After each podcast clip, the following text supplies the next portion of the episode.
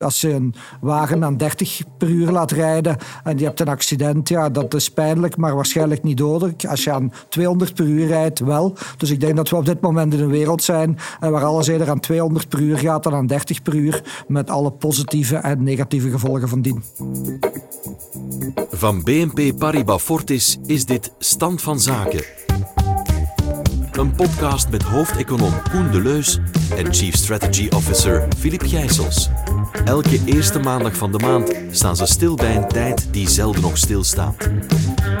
Wat staat er de komende maand te gebeuren in onze wereld die niet stopt met veranderen? En wat betekent dat voor de economie, voor de markten en voor jou? Koen en Filip overlopen het met Filip de Rijke van Communicatie. Dag Koen, dag Filip. Fijn van jullie te zien. Van op afstand weliswaar. Dag Filip. Dag Filip, hey. We gaan het uh, deze keer hebben over de versnelling van uh, de automatisering en de digitalisering door uh, COVID-19. We gaan ook na of er eindelijk een versnelling in die productiviteit zit aan te komen en wat daarvoor de voorwaarden zijn. We gaan natuurlijk ook in op de opportuniteiten, maar ook de risico's die digitalisering en automatisatie meebrengen voor beleggers. We blikken ook verder vooruit naar de wereld van de drie uren werkweek, jawel. Koen, Filip, je leest het uh, her en der, uiteraard. COVID-19 zorgt voor een uh, versnelling van uh, automatisatie, digitalisering van de bedrijven. Hoe hebben jullie dat het afgelopen jaar beleefd? Wel, bij mij natuurlijk op niveau van de speeches. De speeches zijn nu allemaal virtueel geworden.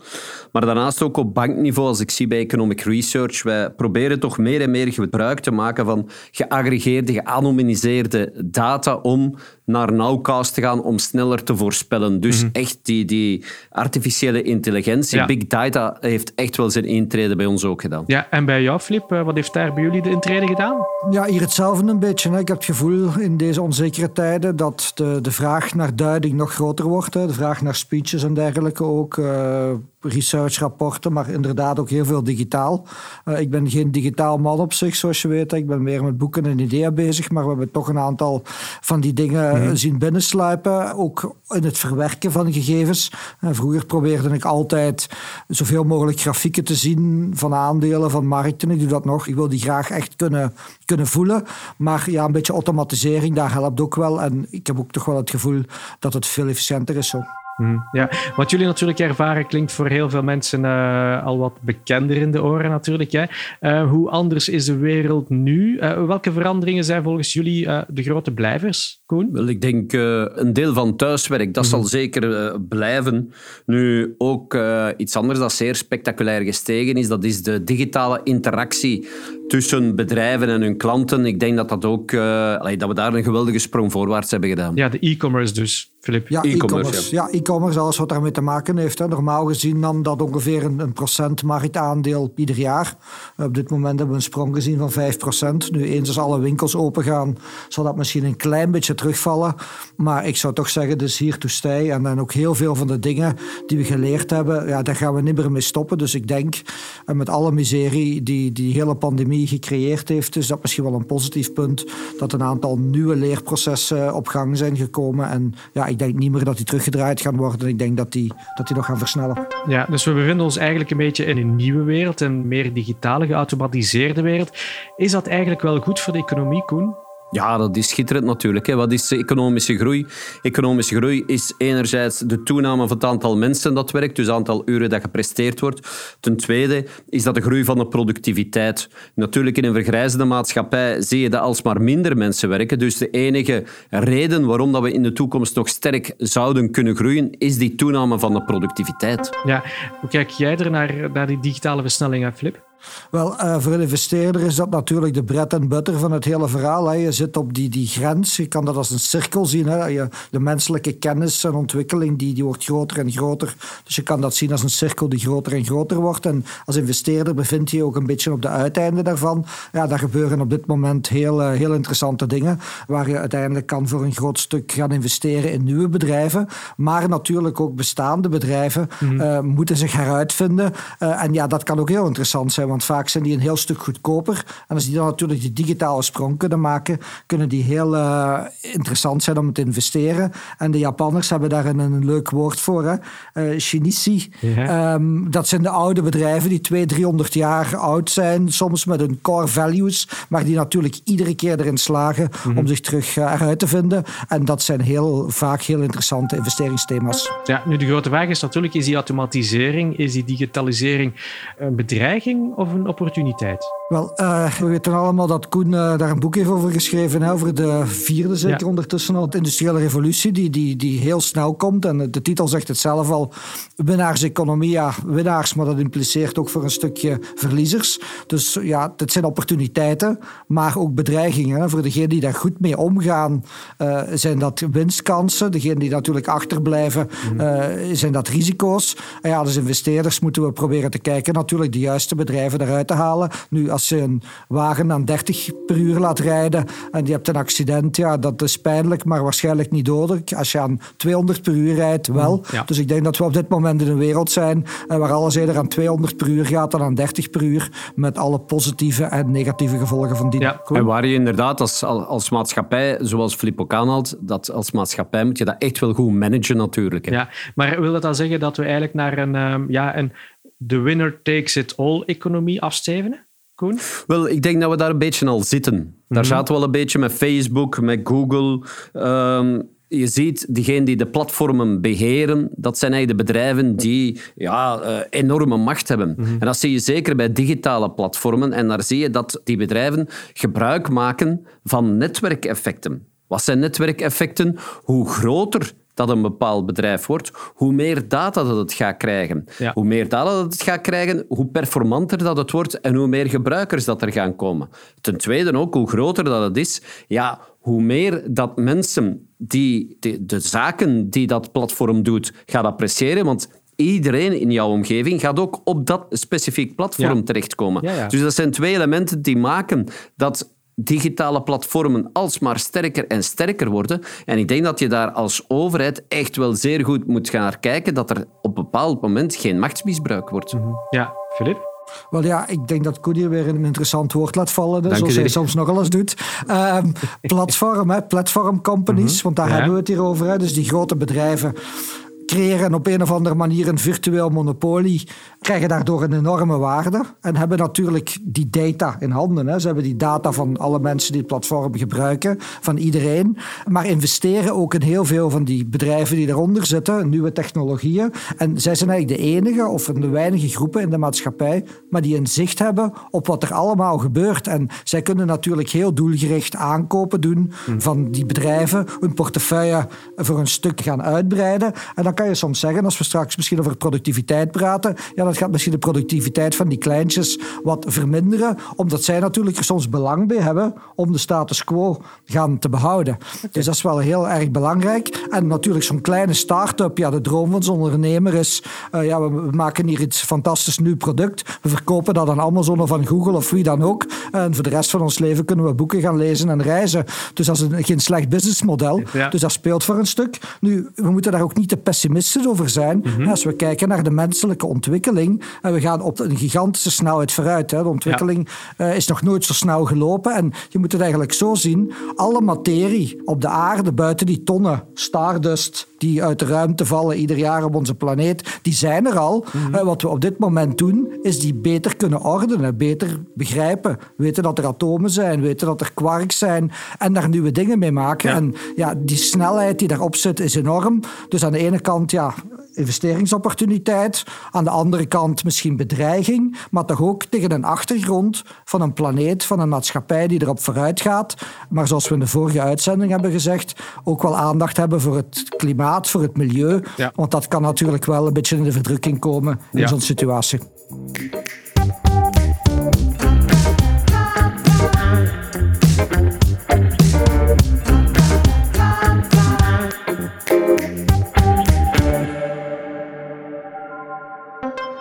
Laten we het even hebben over de zo belangrijke toename van die productiviteit. Want daar is de vaststelling.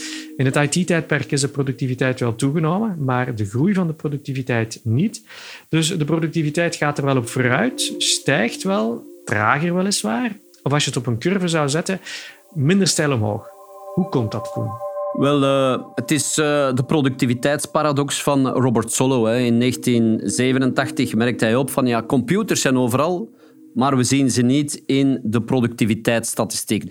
En eigenlijk, ja, die paradox zien we vandaag opnieuw. Heel veel nieuwe zaken en toch zie je de productiviteitswinsten alleen maar verder en verder dalen. En eigenlijk dat dalen van die productiviteitswinsten ja, gebeurde al sinds 1970. Je hebt een hele sterke stijging gehad na de Tweede Wereldoorlog. En dan sinds 1970 eigenlijk een constante daling met een kleine tussenpauze in 2000. Dat is toch inderdaad wel een beetje vreemd. Ja, Filip?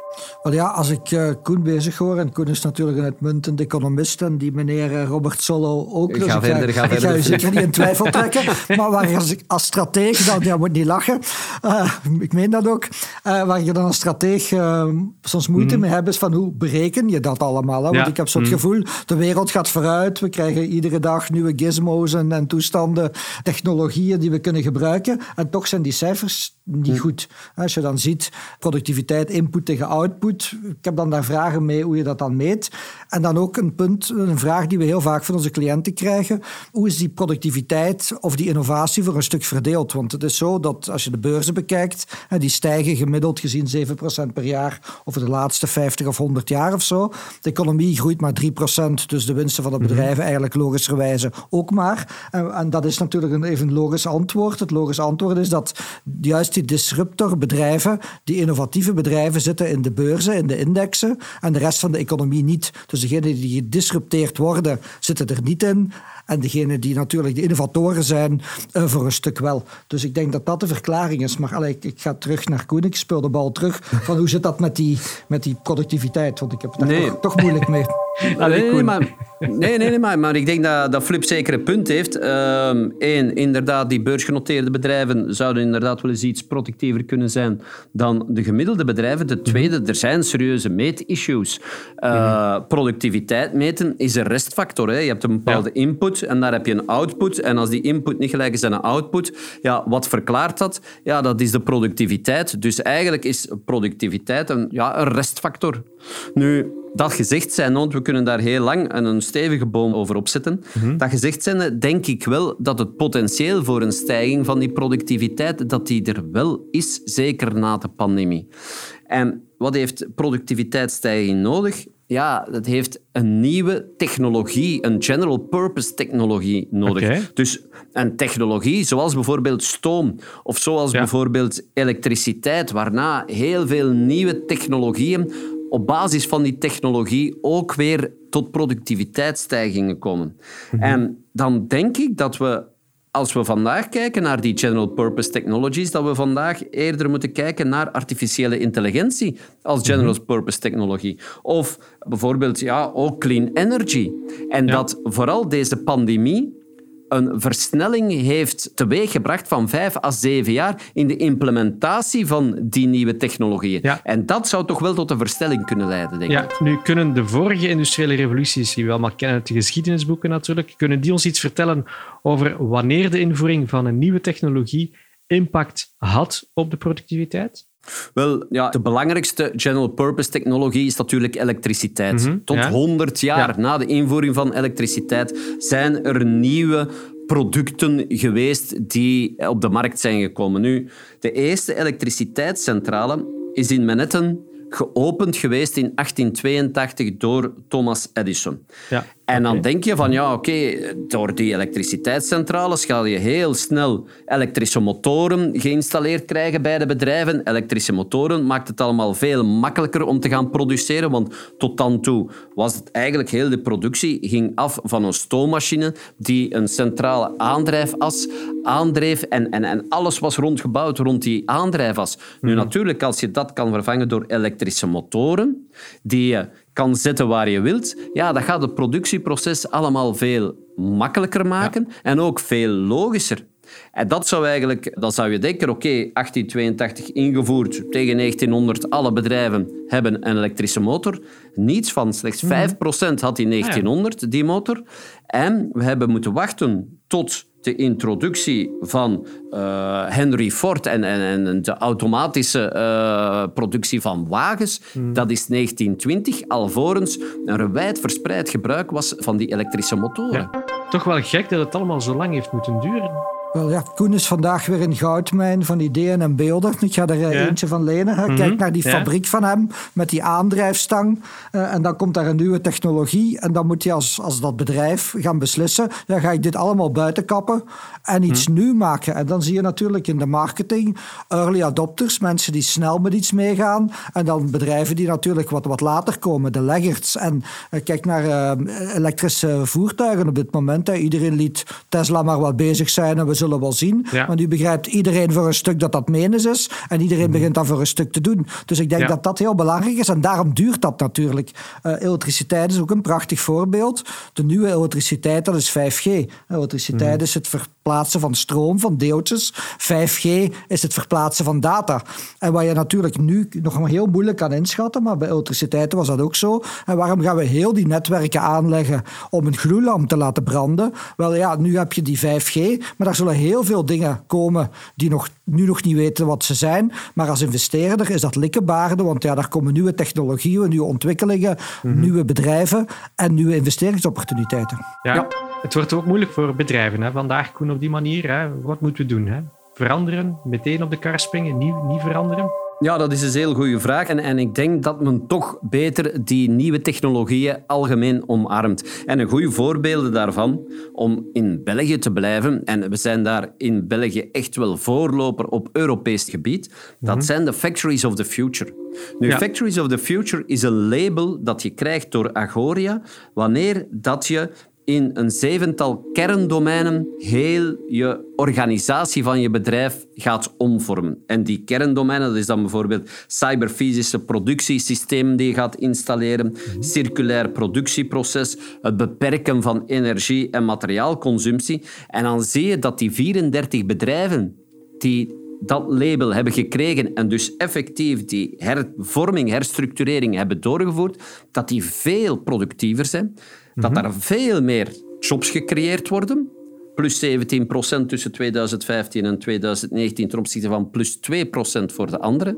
En dan zie je ook dat de omzet drie keer zo hoog lag, de omzetstijging, in die bedrijven. Dus eigenlijk bedrijven die slim innoveren, mm. kunnen zeggen, en digitaliseren, zien één, het aantal werknemers groeien.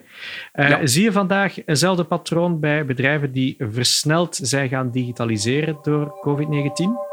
Wel, ja, Flip, ik denk dat het nog een beetje te vroeg is om te kijken en om te zien of dat we productiviteitswinsten hebben of niet. Wat we vandaag al wel zien, is dat we in de Verenigde Staten weer een verstelling hoger gaan dan in Europa. In de Verenigde Staten zie je dat het inkomen wordt ondersteund. In Europa is het zo dat de jobs ondersteund blijven, gevrijwaard blijven. Maar als gevolg natuurlijk dat je in de Verenigde Staten heel wat mensen zult zien die hun job zijn verloren als gevolg van het feit dat ze in bepaalde door pandemie zwaar geraakte sectoren werken. Nu, natuurlijk, of dat daar dan effectief productiviteit gaat uit voortvloeien of niet, ja, daar is de vraag natuurlijk of dat, die, dat jobverlies en die digitalisering die daar gebeurd is, of dat dat gepaard gaat bij herorganisatie of niet. Ja, wat je op dit moment wel ziet natuurlijk, en dat is heel hoopgevend, is dat in de Verenigde Staten er zijn veel jobs verloren gegaan. Ze zijn niet vrij waard, maar je ziet ze ook weer heel snel terugkomen. Uh, in de dienstensector ook, bij restaurants, waar je ziet dat ze En hopelijk ook nieuwe jobs dan. Nieuwe jobs misschien ook, maar voorlopig al terug invullen wat er is. Hè. Een miljoen per maand, dat is niet niks. Dus dat is heel belangrijk. Je moet daar optimistisch over zijn, denk ik, want dat zou dan in Europa misschien uh, in afgeleide orde ook kunnen. Uh, wat ook heel belangrijk is, denk ik, is dat je zegt, ja die automatisering, we hebben dat door heel de geschiedenis gehad. We hebben robots gehad, computers, stoommachines. Dus iedereen, iedereen ging zijn job verliezen. Maar de realiteit laat zien dat uiteindelijk toch veel mensen nog wel een job hebben. En wat ook goed is natuurlijk, de jobs die je opnoemt, is heel vaak zijn repetitieve jobs, uh, saaie jobs, uh, die je eigenlijk kan automatiseren. En dan komt er misschien meer tijd vrij voor kunst, voor, voor boeken, voor, voor film, voor, voor leuke dingen, voor creatieve dingen. Op voorwaarden natuurlijk, en ik voel jou komen, ik ga het al zeggen op voorwaarde natuurlijk dat de mensen genoeg opgeleid zijn. Dat is het ding natuurlijk. Hè. Zijn ze genoeg opgeleid? Is er ruimte voor heropleiding? Is er ruimte voor training? En dan moesten we eigenlijk al lang mee begonnen zijn voor de pandemie, want die digitale revolutie is al een hele tijd aan de gang. En ik denk dat de overheden nu echt wel met, uh, ja, met hun neus op de feiten worden gedrukt, dat het heel, heel hard hoog tijd is dat uh, ja, toch meer ingezet wordt op die heropleiding, op die training, om één, die mensen die hun job verloren zijn, opnieuw aan een job te helpen. Maar ten tweede ook de burgers die niet op die digitale kar uh, gesprongen zijn, om die ook mee aan boord te nemen. Want ook daar zie je dat we toch wel te maken hebben met ja, een, een stuk van de bevolking die digitaal analfabeet is. En dan kan je zeggen van oké, we gaan verschillende uh, processen automatiseren, ook overheid gaat automatiseren. Maar die mensen die natuurlijk niet op die digitale boot zijn gesprongen, ja, die vallen uit de boot. Dus daar is het ook zeer belangrijk dat die digitale inclusiviteit, dat daar ook aan gewerkt wordt. En dat is ook weer een duidelijke boodschap naar de overheid toe. Koen heeft het over het microniveau. En dat is natuurlijk heel belangrijk. Misschien het belangrijkste, want dat zijn de mensen. Nu, je kan het ook op macroniveau bekijken met dezelfde conclusie. Er is duidelijk een, soort wapenwetloop bezig uh, tussen landen, tussen blokken, tussen grootmachten. Niet meer met kernwapens, niet meer met vliegdekschepen, maar met artificiële intelligentie, met 5G-netwerken. Wie bouwt het beste netwerk? Wie heeft uh, de beste artificiële intelligentieprogramma's? En dan kom je natuurlijk terug. Wie kan daar het meeste middelen En wie heeft daar natuurlijk het meeste ingenieurs, het meeste wetenschappers? En dan kom je terug op die educatie, op die opleiding. Dus ik denk dat dat superbelangrijk is, ook weer voor een investeerder. Want je wilt natuurlijk investeren in sectoren, in landen, waar dan ook, waar die innovatie het snelste gaat. Ja, die maatschappelijke uitdaging lijkt mij zeer, zeer belangrijk. Nu, het is niet altijd zwart-wit natuurlijk. Er zijn ook grijs. En ik denk ook heel die pandemie, de gevolgen daarvan,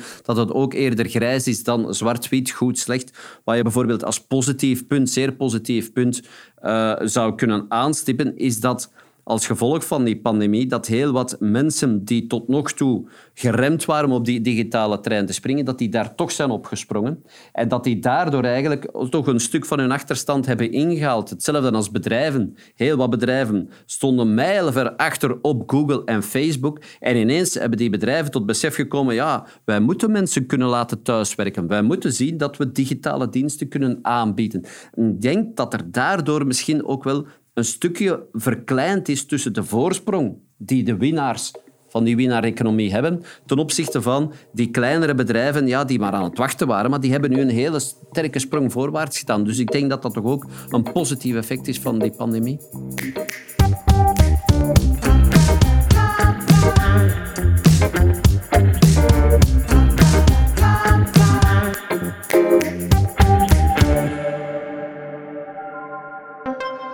Filip, ik wil het uh, nog een beetje verder vooruit denken. Komt er een moment dat de mens minder moet gaan werken, omdat de robots zoveel taken voor hun rekening nemen? Dat zou best kunnen. Nu, in mhm. ieder geval, wat we in de historie al hebben gezien, is dat sinds 1950 het aantal uren dat gemiddeld door elke werknemer wordt gewerkt, mm dat het heel sterk naar beneden is gegaan van 2100 in 1950 naar 1600. De bodem is zelfs nog eens lager geweest en was 1990, maar toen heeft men beseft, toen werkten we 1550 uren per jaar. Maar toen hmm. beseften ze plots dat het vervroegd met pensioen sturen van die 55-plussers dat, dat misschien toch niet zo'n goed idee was. Voilà. Nu, waarom konden we minder werken? Omdat de productiviteit te hoog ging. Want we, mhm. op dezelfde tijd konden we veel meer producten produceren. En dus, ja, dat heeft dan tot gevolg gehad dat je ofwel meer loon kreeg, mhm. ofwel dat je zegt van, ja, oké, ik heb loon genoeg en ik ga een beetje meer op vakantie gaan. Ja, tot welke school behoren jullie dan eigenlijk? Zij die een beetje meer willen werken of zij die een beetje meer vakantie willen? Wel, je hebt inderdaad het verschil tussen het Europese en het Amerikaanse model. En de Europeanen die hebben wat meer vakantie. Nu, voor ons is het natuurlijk zo, onze job dat is onze hobby. Hè? Dus in die zin uh, ja, denk ik dat werken is niet zo'n groot probleem. Maar natuurlijk, ik heb nog andere hobby's. Dus in die zin, eenmaal dat men 50 jaar is of meer, dan denkt men misschien kan ik nog eens een andere hobby een beetje meer intens doen. Dus ik zou misschien meer naar de Europeaan. Maar, ja, maar de ene job is de andere natuurlijk niet, hè? Nee, die van Flips natuurlijk veel zwaarder, maar... Uh... Ja, dat klopt wel, maar het is ook zo. Ik, ik, wil ook misschien wel wat meer tijd om boeken te lezen nu. Ik doe dat ook wel nu. Een boek waar ik hier aan denk, uh, ter plaatse hier, uh, wat mijn zoon aan het lezen is voor zesde jaar middelbaar, is Huxley Brave New World. En de wereld waar we naartoe gaan begint daar wel een beetje op te lijken, hè, want ik ga niet het hele verhaal vertellen. In de Brave New World, iedereen is blij, want de machines doen quasi alles. Je hebt alfa's, beta's, de epsilons. je hebt een bepaalde die dingen maakt, die dingen programmeert. En je hebt eigenlijk een bepaalde klasse die alleen nog maar dingen consumeert. En we moeten natuurlijk oppassen dat we niet in een maatschappij terechtkomen waar een bepaalde groep de programma's maakt en de andere nog alleen maar thuis ligt te gamen. Want je kan het heel cynisch maken. Je kan dat die, die mensen nog een inkomen geven. Je kan die laten consumeren. Maar dan wordt de kloof wel groter. En Iedereen is wel gelukkig, maar de vraag is of je naar zo'n maatschappij wilt gaan. Ja, en dan zit je natuurlijk bij het basisinkomen. En daar kunnen we mhm. waarschijnlijk een heel nieuwe podcast over opzetten. Maar heel kort, wat vind ik persoonlijk van het basisinkomen? Ik denk, zolang dat er geen werkloosheidsgraad is van 20% en dat we de meeste mensen nog altijd aan een nuttige job kunnen helpen, denk ik dat basisinkomen echt onnuttig is. Dus, dus ik denk dat we daar een beetje te snel teruggrijpen naar een wapen dat, dat vandaag echt niet moet ingezet worden. Ik ben eigenlijk economisch gezien nog zeker niet tegen dat basisinkomen, maar het punt is, wat doe je ermee voor een stuk? Is het mhm. iets geven aan iemand om de mensen de mogelijkheid te geven om creatiever te zijn en dingen te doen, gaan te studeren, dingen gaan uit te vinden, dingen gaan te creëren, wat dan ook? Of is dat ergens een check om te zeggen, ga maar in de zetel liggen en doe maar niks meer? En want uiteindelijk het mooie aan dit hele verhaal is voor een stuk dat uiteindelijk als er tijd vrijkomt, Drie uren per week is weinig, maar wat er dan ook tijd vrijkomt om gaan te doen, dat je daar inderdaad creatieve dingen mee kan doen. Hè. Dus als je uiteindelijk tijd kan vrijmaken wat de robots doen en je kan die tijd creatief invullen, wel, dan denk ik dat mhm. we als mensheid weer een enorme stap hebben gemaakt. Als we daar inderdaad creatief mee omgaan en inderdaad eh, zelfontwikkeling, dan, dan ben ik daar ook volledig voorstander van. Maar ik vrees dat er heel wat mensen toch gewoon zich zeer knustelen, nestelen in die zetel, PlayStation en Xbox een hele dag gaan spelen.